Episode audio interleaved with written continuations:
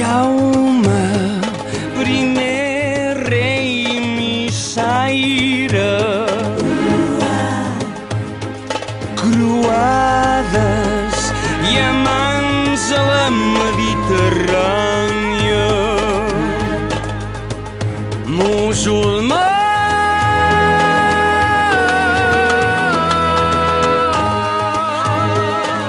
Escoltes Pròxima Parada amb Susana Lliberós.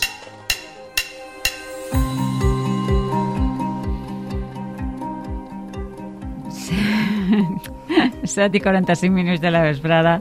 Que estava, pensant en Jaume I. Isabel Ferrer, bona vesprada, com estàs? Bona vesprada, impactada, impactada per sí, esta clar, cançó. vull dir, no, no, parla, no estava pensant en el Jaume I que tenim en l'imaginari, no? sinó en el que m'estava mostrant la cançó de Gonçal. Eh, perquè en este em sona molt, entenc que parlem de, de la nostra diada del 9 d'octubre, no? Totalment, és, és les, la diada oficial, el dissabte, que, és com, que commemora l'entrada de Jaume I a la ciutat de València, i enguany, per a commemorar-ho, parlarem de l'himne oficial. Ah, i ens imaginem que l'himne, eh, que no és de l'època de Jaume I. No, no, no, que va, cantaríem tots en medieval, eh, que això No, seria... no estaria malament, eh?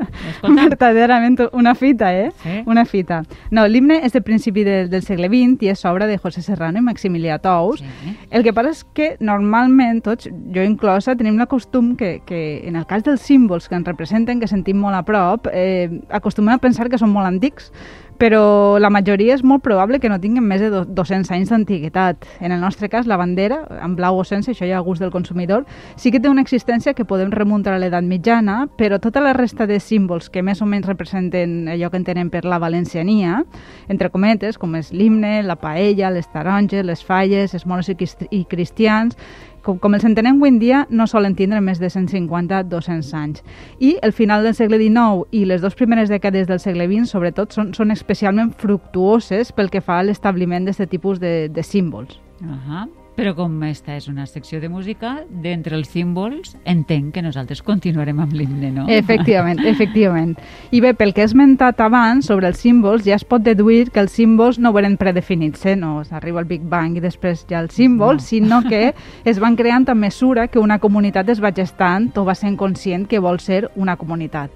Per tant, l'assimilació de símbols és un procés social i com tots els processos socials té al darrere interessos polítics, econòmics, de tot tipus, com qualsevol cosa social, perquè eh, afortunadament eh, no som màquines i eh, passen aquestes coses. Eh, este procés se segueix eh, d'assimilació de símbols, se segueix en bona part del món fins al punt que avui en dia tenim prou assumit que la majoria de comunitats tenen associada una festa típica, un menjar tradicional, una música tradicional, una vestimenta, una bandera i també un himne. És a dir, és un procés típic de, de la modernitat i la col·lectivitat valenciana no és ni menys ni més especial que altres. A mi ja em sap greu dir-ho, perquè per a mi sí que és la més especial i la més important, però en aquest sentit Però no. no. són molt originals. Efectivament. O sigui que per a resumir, les comunitats van triant uns símbols o, o uns altres, no? I este procés eh, es va succeint a poc a poc. Tal qual. I en el cas dels himnes, hi ha algun moment en la història que per diversos motius es creu que aquesta comunitat necessita una música que, que la represente. I de totes les músiques disponibles en aquest moment històric es fa una tria, que normalment la fan els polítics o gent influent, i es diu, esta és la peça que ens representarà. Veus? De vegades, eixa peça és una elecció de les músiques que ja existien, eh, altres vegades s'encarrega una nova composició, d'altres vegades es fa un concurs, hi ha diverses opcions. Allò que vull dir és que tots els himnes és això, eh? són una tria que fan unes persones determinades i aquesta tria depèn del context del moment en què se fa la tria, no? del context social i polític. Clar. Eh, per això no sempre t'identifiques de la mateixa manera Eh, ni els teus avantpassats o tu et pots identificar. Mm. I en este cas, eh, com va ser tot el procés en el cas de, dels valencians? Doncs, com he dit, el, el camí de l'himne actual dels valencians va començar a principis del segle XX. En aquell moment hi havia un altre fenomen típic d'aquell moment, que era celebrar exposicions, eh? s'anomenen exposicions. Què eren les exposicions? Doncs un, un poc el que avui anomenem fires, Sí. que és que se celebren eh? Sí. en els palaus de congressos. Les ciutats organitzaven i organitzen esdeveniments on empreses d'un sector porten les seues últimes novetats. Uh, això se suposa que tenia i té beneficis tant per a les empreses de fora com per a sobretot les empreses locals i les mateixes ciutats que acullen aquest tipus d'actes. En el cas de la València, eh, d'aquell moment, de l'any 1909, un grup d'industrials, entorn l'Ateneu Mercantil, encapçalats per l'aristòcrata Thomas Trenor, organitzaren allò que es va anomenar Exposició Regional, que era una mostra que volia ser una trobada per a industrials i possibles socis capitalistes d'àmbit valencià i contrades pròximes. Això és l'entorn on naix l'himne. De fet, eh, Isabel, encara en conservem algun edifici de l'exposició? Sí, sí, perquè la inversió que es va fer va ser grandíssima, encara que després molts edificis els haguem de, de d'enderrocar i eh, també es va fer una gran campanya propagandística en la premsa en forma gràfic. De fet, coneixem molts edificis perquè queden les postaletes que es van imprimir en aquell temps. De fet, l'exposició va tenir tant d'èxit que l'any següent va passar de ser una exposició regional a una de nacional.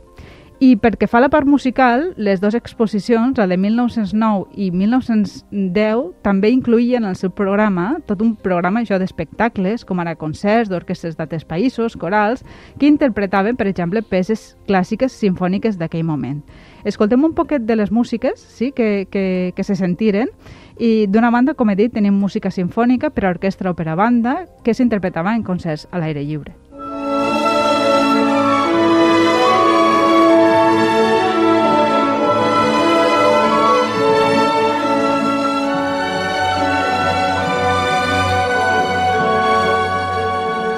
És d'Alexander Borodin, i musicalment també va ser una atracció per a moltes artistes que eh, estaven de moda en aquell temps i que va servir també un poc per a donar-li aires nous a la ciutat, eh, per a modernitzar-la.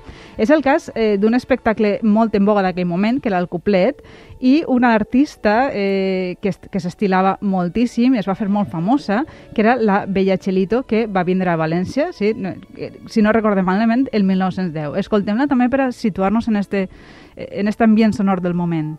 Ya en todas partes, lo que necesita es bailar el gol.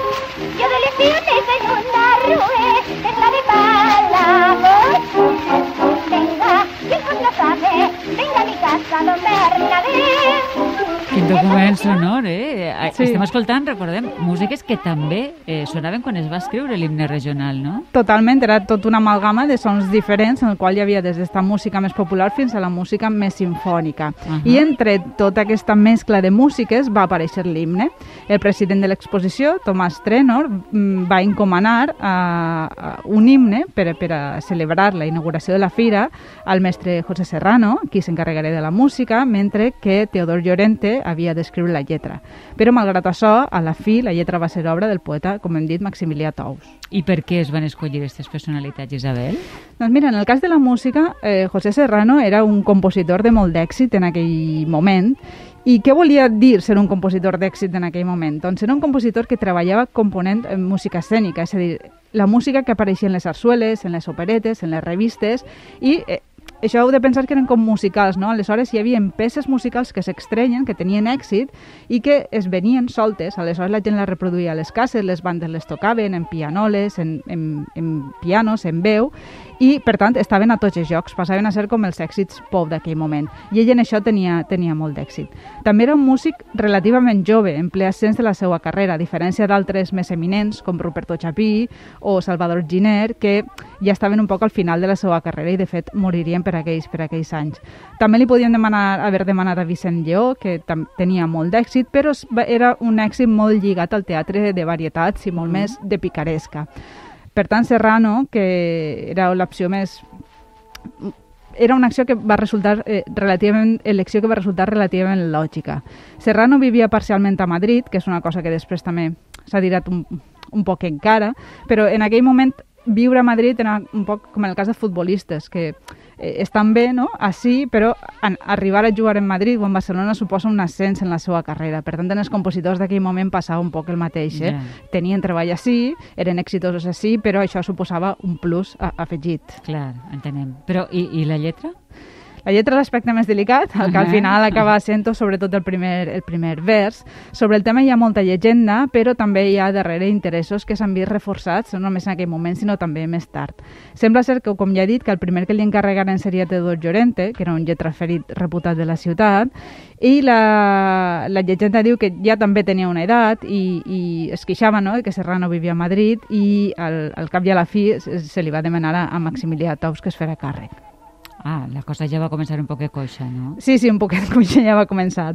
De tota manera, si ens posem en el lloc de les persones d'aquell 1909 i el seu context, la lletra i la música és molt lògica. El primer que cal tindre en compte és que tot i que evidentment hi havia altres interessos al darrere, la peça en principi es, estava pensada per a ser interpretada una sola vegada.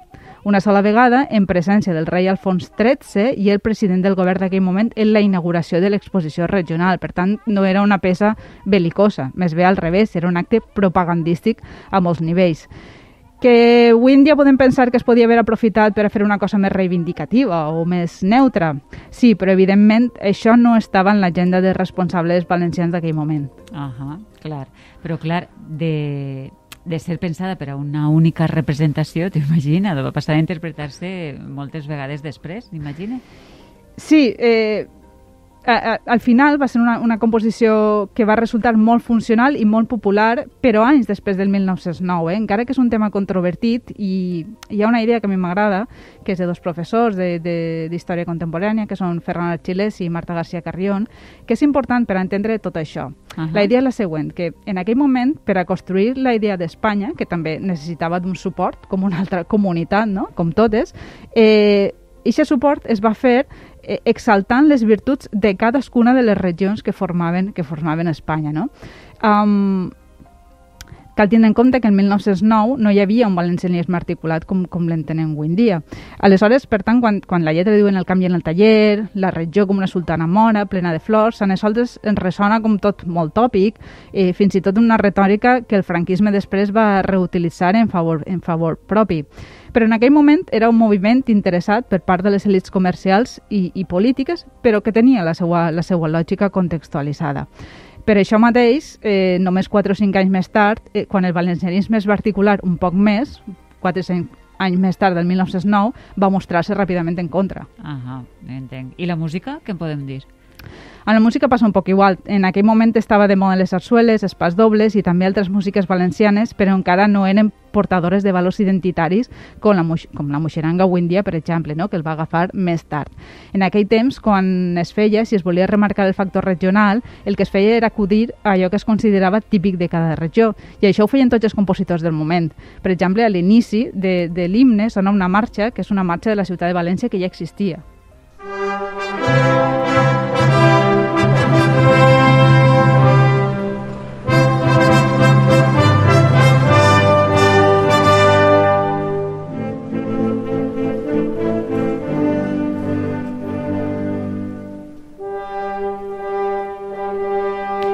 Per tant, eh, esta és la part, mm, seria el material reciclat. És material reciclat, sí, sí. I a més d'això, en aquell moment, alguns procediments de composició són molt similars a altres músiques de l'època.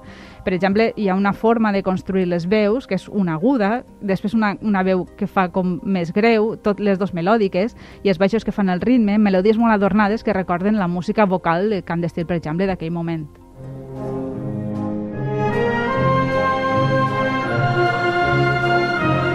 És, una peça, com ja se'l sabem, és una peça no, que s'assembla molt a altres passobles del, del moment, no? com l'entrada de la Murta o el cant de, del valencià. Eh, avui en dia probablement el faríem amb altres recursos, però estos eren els d'aquell moment. I pel que semblava triomfar? Sí, va triomfar, però amb un poc o molt d'espenta per part de les autoritats i la conjuntura política que vingué més tard. Ja el 1909 es fa una edició simple de l'himne, una partitura de 3.000 exemplars per a repetir-se per a repartir-se per València. Per tant, la peça va seguir interpretant-se de forma popular, perquè és cert que havia agradat molt, però va ser sobretot en la dictadura Primo Rivera, a partir del 1925, que, que es va dirigir l'atenció que esdevinguera un himne regional marcant distància amb el valencianisme del moment que no era regionalista. Eh, I és una cosa que m'ha arrossegat fins ara. Ai, això d'arrossegar coses i coses i coses. Arrossegar, que m'he mossegat jo, m'he arrossegat una, una S. Escolta'm, molt interessant. Totes les coses tenen el seu perquè i el seu passat. Isabel Ferrer, gràcies. Fins Gràcies a que vosaltres. Adéu. Gràcies a tots vostès per haver-ho fet possible un dia més. Tornem demà a les 4. De moment que acabem de passar una bona vesprada i una millor nit. Fins demà. Som